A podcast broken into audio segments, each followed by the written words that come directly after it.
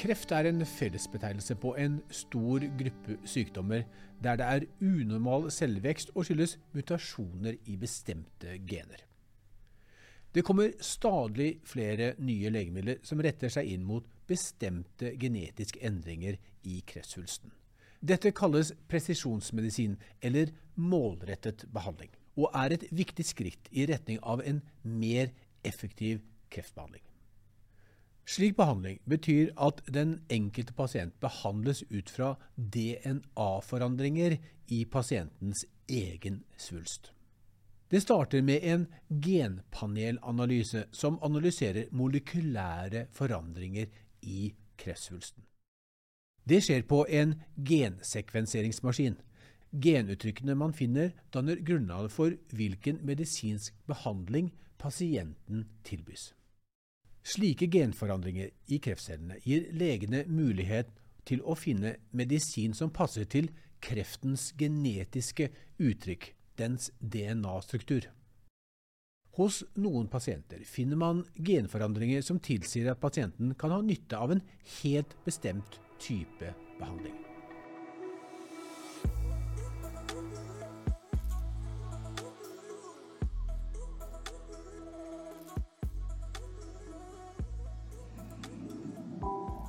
Vi er på Drammen sykehus. Vi skal møte professor og onkolog Odd Terje Brustugen, som behandler til daglig pasienter med lungekreft. Dette er den kreftformen som tar aller flest liv i Norge.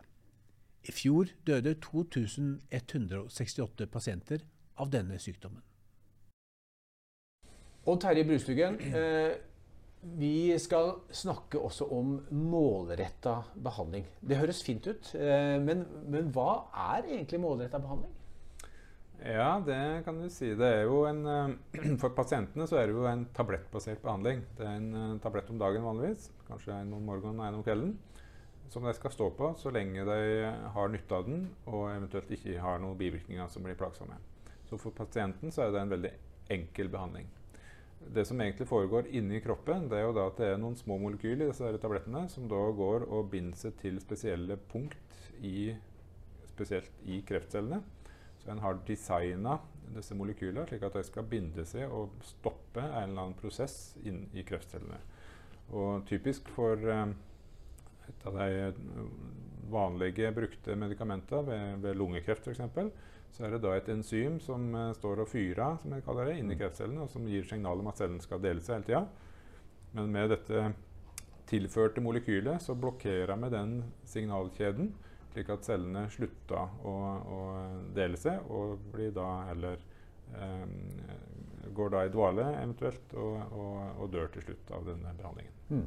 For kreft det er jo egentlig en genetisk sykdom, som du er inne på. Det, det handler om at kreften gir, eh, får genetisk signal om å dele seg i, i det uendelige, til, til, eh, i verste fall pasienten dør. Mm. Ja da, og, og, det er jo da disse mutasjonene da, som oppstår, som gjør det at, at noen, noen, slike mutasjoner gir da den egenskapen at kreftcellene blir eh, nær sagt udødelige og, og, må fjernes på annet vis enn det som kroppen sjøl klarer. Mm. Innenfor lungekreft så finnes det mange typer underkategorier av uh, lungekreft. Uh, skal vi prøve oss å, skille det? Først på, det helt overordnede. Uh, man snakker om adenokarsinom. Og, kan du bare forklare oss hva er det først? Ja, Først kan vi enten begynne enda litt før. da, og si at det er noe som heter småcella lungekreft og noe som heter ikke-småcella lungekreft. Og ved småcella lungekreft har vi ikke noe målretta behandling foreløpig ca. 15% av alle med lungekreft har den varianten. Og så er det da de som har ikke-småcelle lungekreft, som er 85 da. Der er det ja, To tredjedeler cirka av deg har denne varianten som heter adenokarsinom. som du sier. Og innenfor den gruppa igjen så er det da, en, er det da visse undergrupper som er aktuelle for målretta behandling. Mm. Og uh, Det hyppigste forekommende undergruppene. Det, det, er noe som heter KRAS. Det kan finnes hos en rundt 30-40 eh, Så er det EGFR, som er noe som heter, som er en, en, rundt 10% 10-12 kanskje. Og så er det ALK, som er en 4-5% ROS1 er noen prosent. RETT og uh, en trekk og så videre. Så er det noen mindre bitte små grupper da, som, som, også er i den entiteten da, med adenokarsinom. Og hvordan finner dere eh, disse spesialundergruppene når dere diagnostiserer pasienten? Ja, Da er det patologene som gjør en jobb, og det gjør de rutinemessig. Så tester de alle disse adenokarsinoma for eh, de hyppigst forekommende mutasjonene. Og eh, nå blir det jo mer og mer bruk av dette med såkalt neste generasjons sekvensering, NGS der den, eh, der en får svar på alle denne type mutasjoner i løpet av, eh, ett, i løpet av, med bruk av én analyse. Eh, noen sykehus bruker fortsatt enkeltgenanalyser, som en kaller det, slik at en må putte inn eh, prøvemateriale og får ut svar på er det den mutasjonen til stede, ja eller nei. Og så må man sende inn et, inn et, nytt prøvemateriale og få spørsmål om, eh, om neste eh, genforandring, da, om den er til stede. Så de fleste sykehus og de fleste patologene og de fleste klinikerne etter vil jo nå ønske seg en sånn NGS-metodikk, der en da får svar på alt på, på ett, uh, et, uh, forsøk. da, mm. En analyse. Og Det blir viktig for eh, valg av behandling og pasienten. For uh, pasientene, hvis de ikke har, hvis, La oss si de har et NTRK-kreft, så, så, vil eh, må den ha en helt spesifikk medisin som virker på akkurat eh, den genforandringen? Mm, ja da. Og Det er det som gjør at en kaller det målretta. Da er det altså et, eh, en spesiell medisin som er retta akkurat inn mot den genforandringen som denne pasienten har. Mm. Og Summert opp så er jo, er jo en ganske stor andel av pasientene som har en av disse ganske mange etter kort forskjellige genvariantene som det fins medisin mot. Mm. Hvor mange prosent vil du si eh, som innenfor lungekreft, eller ikke småcellet lungekreft, da, som, som, har det? Ja, nå er det Denne KRAS-mutasjonen som jeg sa, den, den hyppigst forekommende. Ca. halvparten av dem har en undertype av det igjen. Da. Det blir ganske spissfindighet her, men mm. det er altså en variant av KRAS-mutasjon der det nå kommer et medikament. Det er mm. foreløpig ikke innført i, i, det offentlige i Norge, men det er jo godkjent av, um, av de europeiske legemiddelmyndighetene. Og vi skal i gang med en klinisk studie på det. Men det er rundt 15% av alle som har den spesielle typen av KORAS.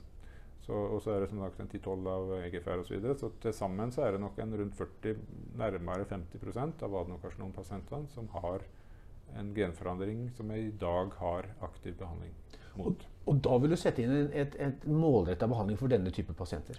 Ja, og for mange av disse her så vil det være best å gi den målrette behandlingen først. Og så eventuelt gi immunterapi eller cellegift, eventuelt i kombinasjon, i etterkant att. Um, slik at det er viktig å finne disse mutasjonene tidlig, altså ved diagnosestidspunktet, for å bestemme den beste behandlingen som en skal starte med. Så det er allikevel en mulighet for å falle tilbake på immunterapi, skulle da denne målretta behandlingen ikke ha den ønskede effekten? Ja, det er det, men det ser ut i hvert fall for noen av disse genforandringene at immunterapi dessverre har dårligere effekt hos de som har en sånn genforandring, sammenlignet med de som ikke har noen genforandring. Hvor mange behandlere, terapier, legemidler, da, tabletter som dette da er, hvor, mange har vi tilgjengelig for, for disse ulike spesifikke genfeilene? Ja, I lungen også, mener hvis det siste opptelling så var det sju forskjellige sånne mål da, som det finnes behandling for nå. Uh, og så er det også en to-tre nye som er underveis, som kommer. Og innenfor KOR, f.eks. innenfor EGFR-feltet, så er det da en fire-fem forskjellige medisiner igjen som en da eventuelt kan bruke i ulike eh, settinger. Men eh, vanligvis så velger en da ett av disse preparatene som første linje, og så kan en vurdere om det er andre som kan være aktuelle i, i neste linje. Mm. Eh, akkurat for EGFR så er det nok dessverre slik at det er ett en prøve i første omgang, og når det ikke virker lenger, så, så har en da immunterapi og cellegift. Mens ved disse ALK-forandringene som jeg nevnte, der vil det kunne være aktuelt å gi flere av disse ALK-hemmerne i sekvens. Da, for en ser at en kan få nytte av et nytt preparat hvis det første preparatet en prøvde, ikke virka lenger. Da vi snakket om immunterapi, og Terje, så, så, sa du at uh, den hadde en revolusjonerende effekt. Uh, vi ser jo at uh, kanskje så mange som en tredjedel, og enda, kanskje enda flere, blir hvis man skal si, bruke det ordet kreftfrie.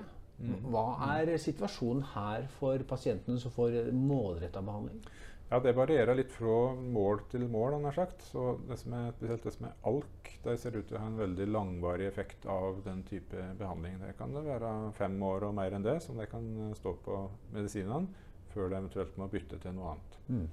Eh, for andre så kan nok andre av disse genene så er det nok kortere tid, eh, ser ut til, slik sett. Men Og det er, I motsetning til immunterapi så er det også slik her nå at en må stå på denne målrette behandlingen eh, hele tida. I, I utgangspunktet i hvert fall. Det hender at en kan legge inn behandlingspauser og så se og, og, vente til det eventuelt begynner å utvikle seg igjen. Men i prinsippet så er det slik at en må på en måte holde sykdommen i sjakk med kontinuerlig behandling med denne type behandling, i motsetning til immunterapi, der en kan gi behandling kanskje opptil to år, og så gir seg, og så ser en at sykdommen holder seg i sjakk sjøl framover.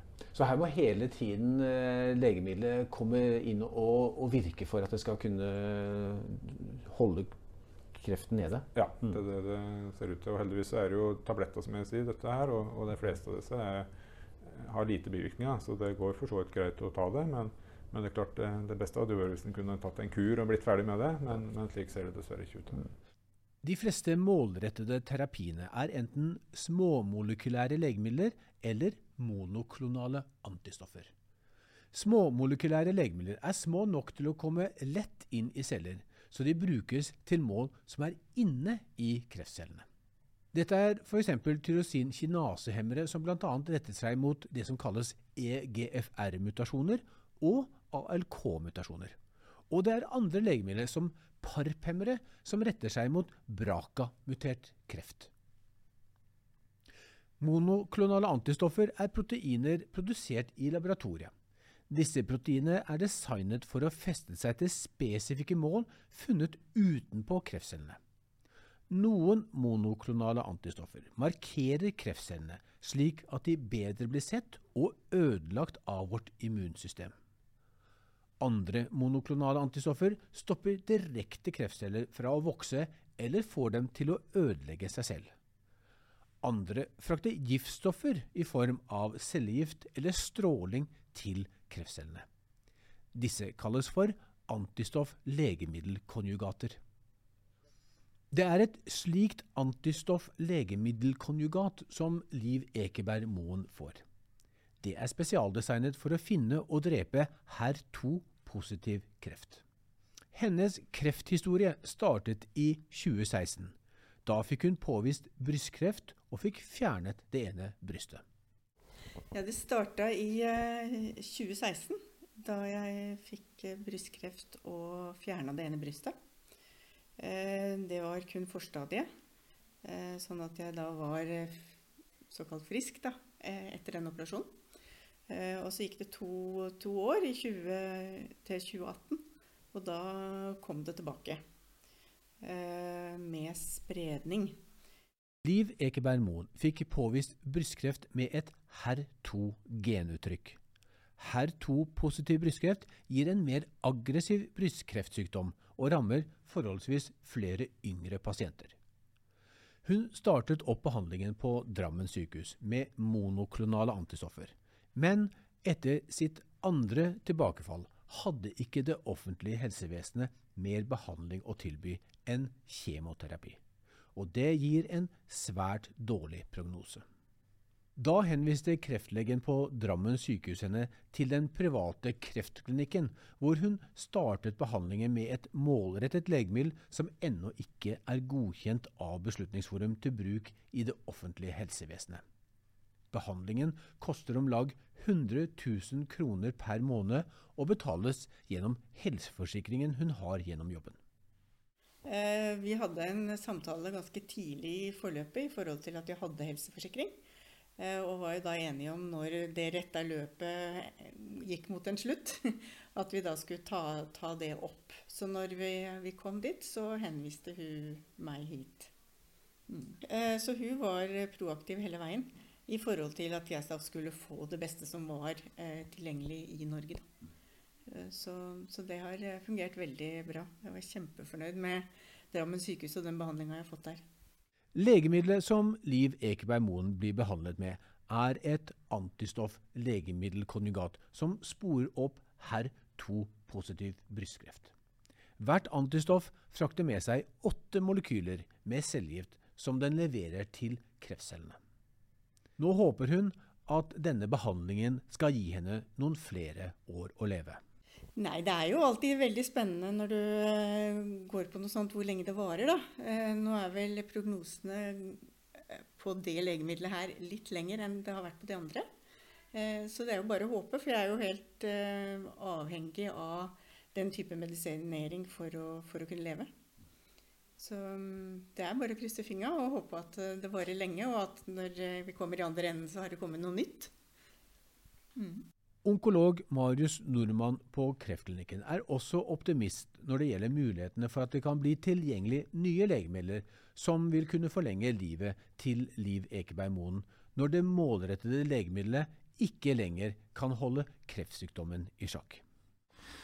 Det er fremdeles en uh, alvorlig sykdom hun har, og denne behandlingen er ikke uh, kurativ. Det vil også si at man vil ikke kunne varig kurere henne med dette alene. Men nå er det også slik at den medisinske utviklingen generelt går veldig fort. Og de siste årene har vi hatt mange medisinske nyvinninger innenfor kreftfeltet. Og jeg tenker ofte at det dreier seg om å holde sykdomskontroll så lenge som mulig. Og hvis det perspektivet er tilstrekkelig langt, så dukker det stadig opp nye ting. Det som er litt eh, spennende med dette, denne behandlingen og dette medikamentet, er at til tross for at vi bruker det som en såkalt tredjelinjebehandling etter metastaser, så har vi faktisk eh, sett respons hos eh, samtlige av våre pasienter, og det er veldig hyggelig. Så hvor, hvor, ofte kommer det nye legemidler på dette området? Er, vil du si at det er en, en, eh, stor utvikling av denne type målretta legemidler? Ja, her er det en rivende utvikling, vil jeg si. Det er masse aktivitet innen dette området og mange kliniske studier. Så det er jo all grunn til å være optimister om framtida. Mm. Dette er Åslaug Helland.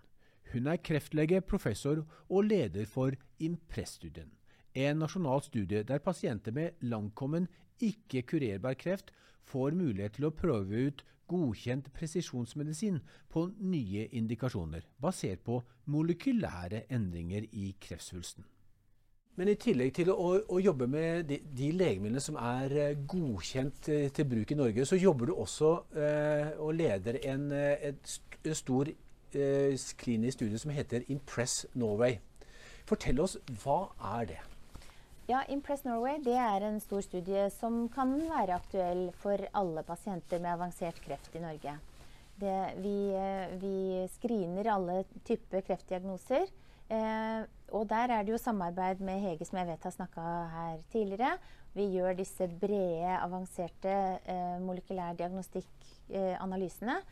Eh, man ser på litt over 500 gener. Mm. Eh, og hvis vi finner noe som gjør at vi kan behandle pasienten med et av legemidlene vi har tilgjengelig i studien, så kan pasienten tilbys behandling i Impress Norway. Mm. Men for oss er det viktig at hvis det er en annen studie som pågår, som kanskje passer bedre for pasienten, så vil den andre studien prioriteres.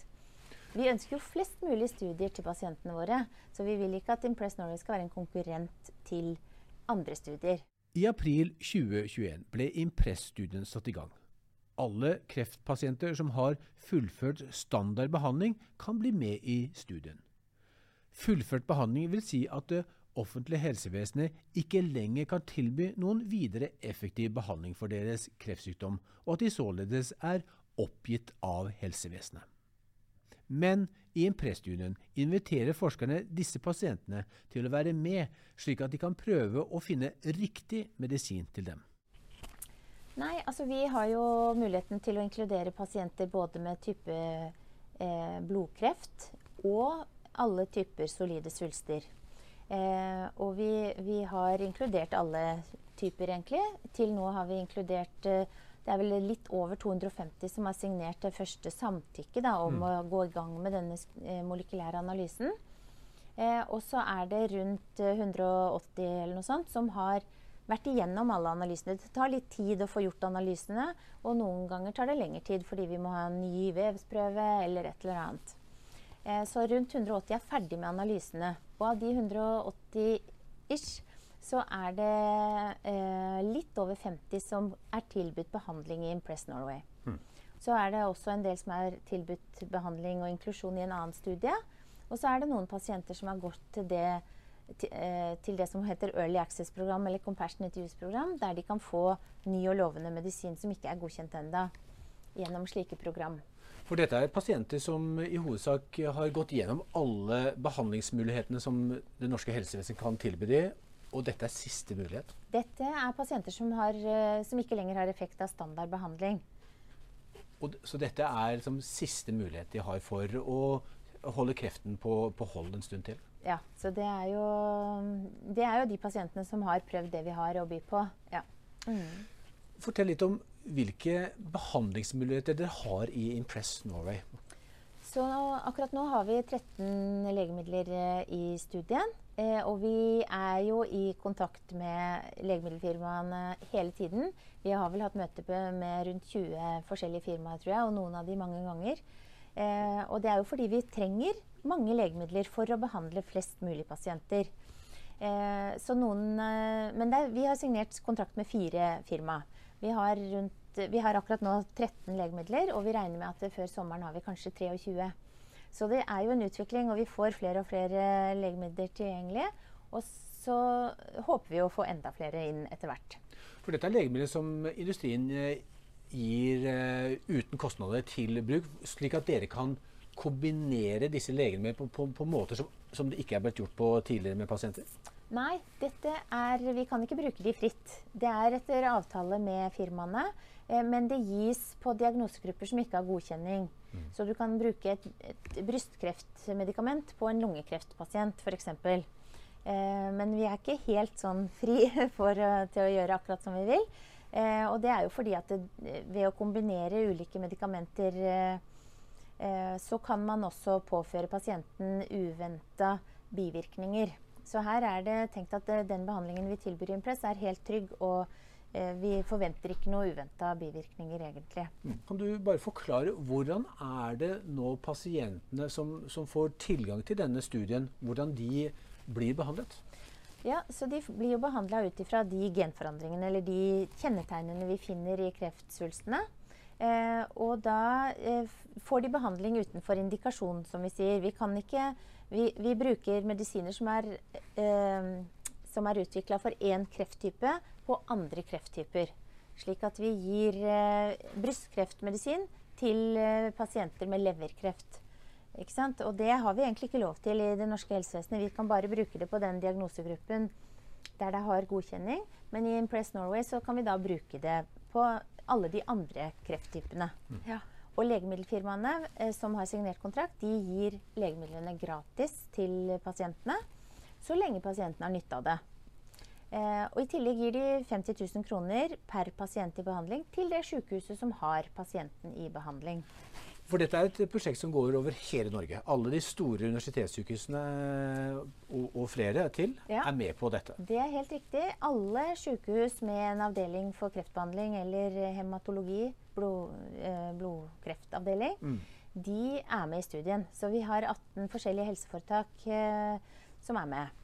Så Det betyr at pasientene behandles så nært som mulig sitt eget hjemsted. og Det er jo kanskje viktig. Det er stor verdi, mm. ja. ja. Så tanken er jo at de skal, få, at de skal slippe å reise. Mm. Kan du si noe om effekten som, som de eh, pasientene som nå er behandlet, uh, hva, hva, som har eh, skjedd her?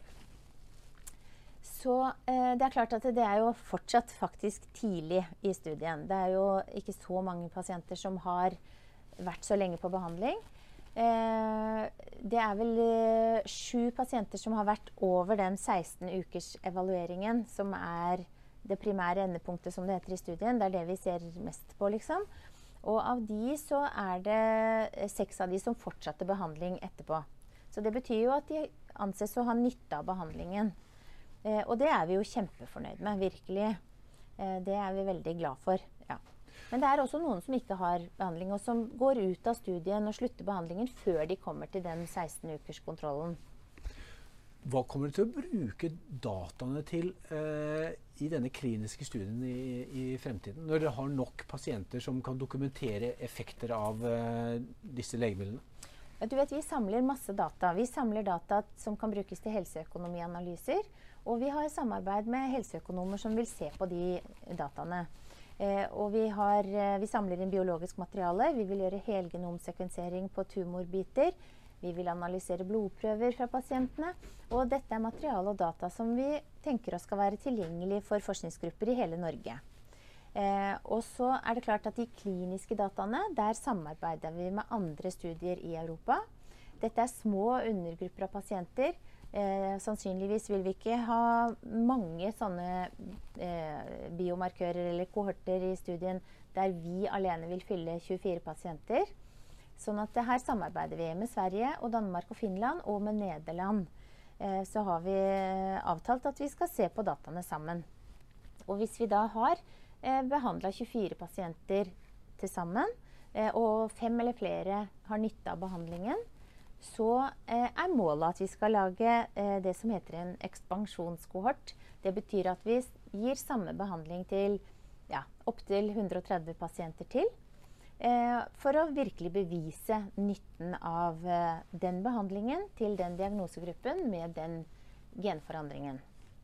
Så, så da har, eh, når dere har fem av 24 som har hatt nytte, da går det ett skritt videre for å dokumentere at dette virkelig er eh, signifikante resultater. Ja.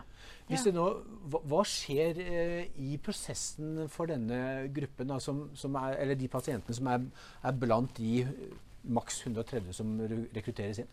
Sånn at eh, I Nederland de starta jo flere år før oss. Der har de en sånn eh, der har de vært i den situasjonen for noen år siden. Og da lagde de en sånn ekspansjonskohort.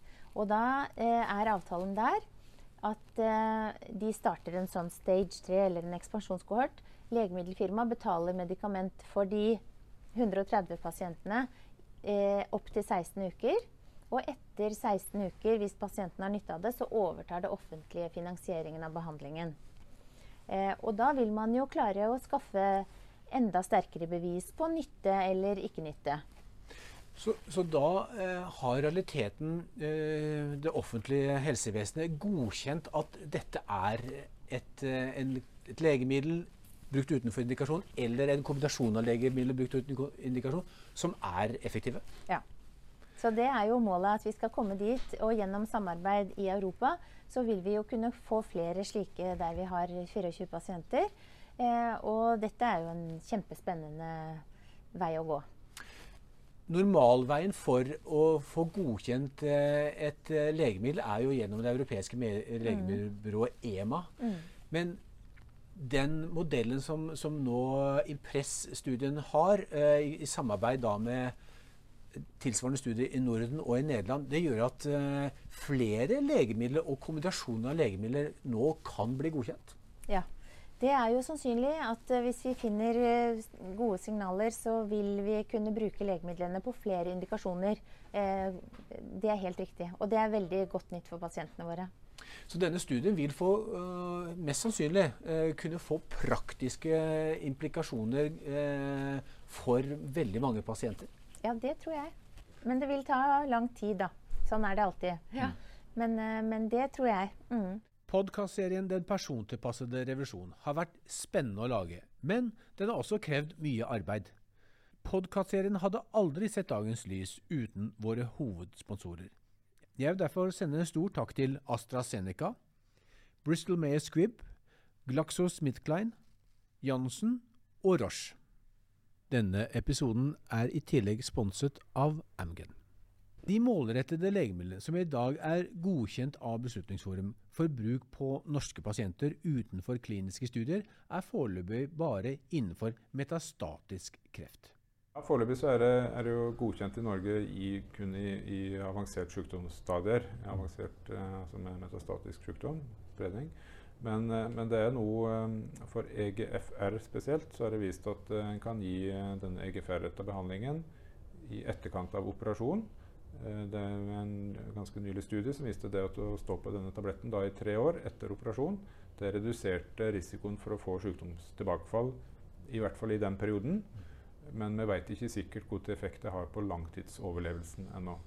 Men at den i hvert fall kan utsette sykdomstilbakefallsrisikoen, det, det er helt tydelig. Dette er Odd Terje Brustuggen igjen. Hvordan vil du sammenligne immunterapi og, og målrettet behandling? Er, eh, har immunterapi en sterkere si, det kurativ effekt enn en målrettet behandling? Ja, altså Ulempen kan jeg si med immunterapi er at den ikke virker på, på langt nær på alle. Det, det er en undergruppe av deg som, er- som, har, som, som gjør at en da ikke vet på forhånd hvem det er som har nytte og hvem som ikke har nytte, men det er en undergruppe på kanskje en tredjedel av pasientene som har virkelig langtidsnytte. Men så er det kanskje for litt sånn røffelig, to tredjedeler som har enten kortvarig eller ingen nytte. Mens ved, øh, mens ved målrettet behandling så er, er det mye høyere andel som virkelig har god nytte. Men likevel relativt begrensa tid, da, med, med, spesielt unntak med dette ALK, som man kan ha i mange år. Mm. Men, øh, men de fleste har nytte av det. men størrelsesorden kanskje et år eller to i, i varighet. Det, ja. Men det kommer stadig Kanskje ordet 'stadig' er, skal være litt forsiktig, men det kommer nye medisiner for nye typer genfeil i kreften. Altså mer, altså mer målretta uh, legemidler. I, i, din, I, ditt virke så har, du, har, det kommet en god del flere uh, nå den siste tiden, bare? Ja da, absolutt. Og så kommer det jo mer og mer data og studier og, og kunnskap rundt det med, med hva er det som er grunnen til at pasientene ikke har nytte lenger? Altså mm. Dette med resistensutvikling det er tilsvarende som jeg ser ved antibiotikabruk. At, at en, en, utvikler også resistens mot disse målretta behandlingene. Og det å prøve å skjønne hva som er årsaken til det, og, og, eventuelt gi spesifikk behandling til akkurat denne resistenstypen som denne pasienten fikk, og så er det en annen pasient som fikk kanskje en annen grunn til at den uh, ikke virka lenger, den må ha en annen type behandling. Så, så, det å lære mer av det og skjønne meg hva en skal gjøre neste linje når, når målrettet behandlingen ikke virker lenger, det, det er også et uh, viktig forskningsfelt der det skjer mye for tida. Mm. Hva, er, hva er de fremtidige store gjennombrudd innenfor målretta behandling, vil du si? Som vi kan forvente oss? Ja, Både er det nok det at større andel av pasientene blir testa. At vi finner flere av disse genetiske måla som vi kan gi behandling. Eh, så er det håp at en får både mer spesifikke og mindre bivirkningsbefengte tabletter som virker lenger. Og at en eh, skjønner mer av både hvordan en skal unngå resistensutvikling ved f.eks. å kombinere ulike behandlingsmodaliteter fra start. Mm. Og det å, å, skjønne mer av En må jo ofte ta en ny vevsprøve når en får tilbakefall.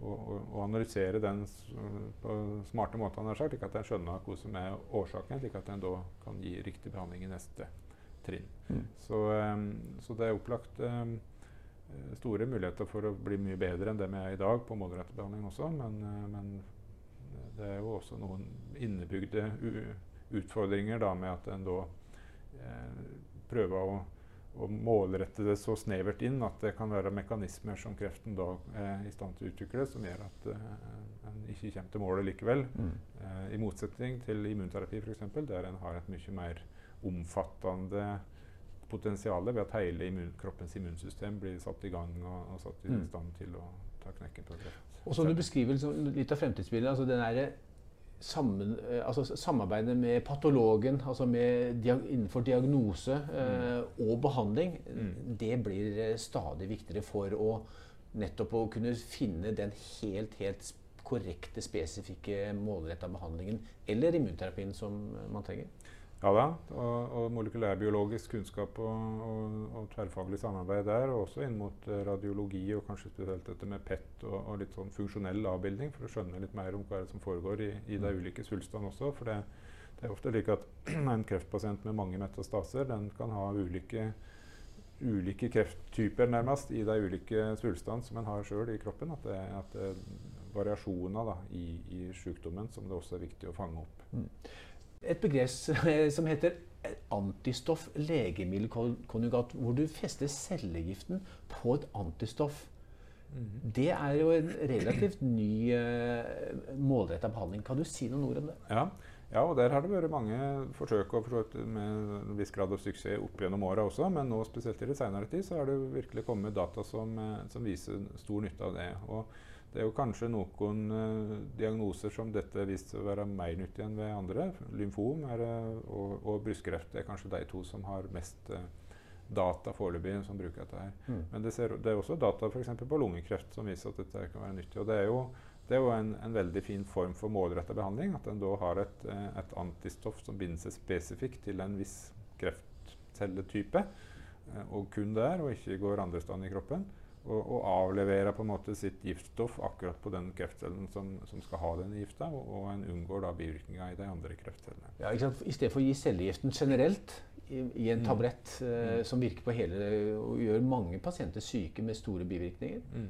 så, så, virker uh, den, dette antistoff-legemiddelkonjugatet uh, helt, helt konkret på, på, på, på, det kreften uttrykker. Mm. Som, som, som, eh, som kan angripes. Ja.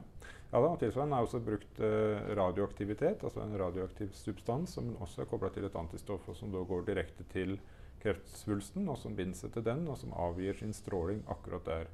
Og med da kort, kort rekkevidde på denne strålinga bruker gjerne sånn alfapartikler som da ikke stråler mer enn noen få millimeter, kanskje noen få centimeter, rundt og får en høy dose til akkurat svulsten, men ikke til resten av eh, kroppen. Så det er en uh, veldig spissfindig og smart måte å gi strålebehandling på.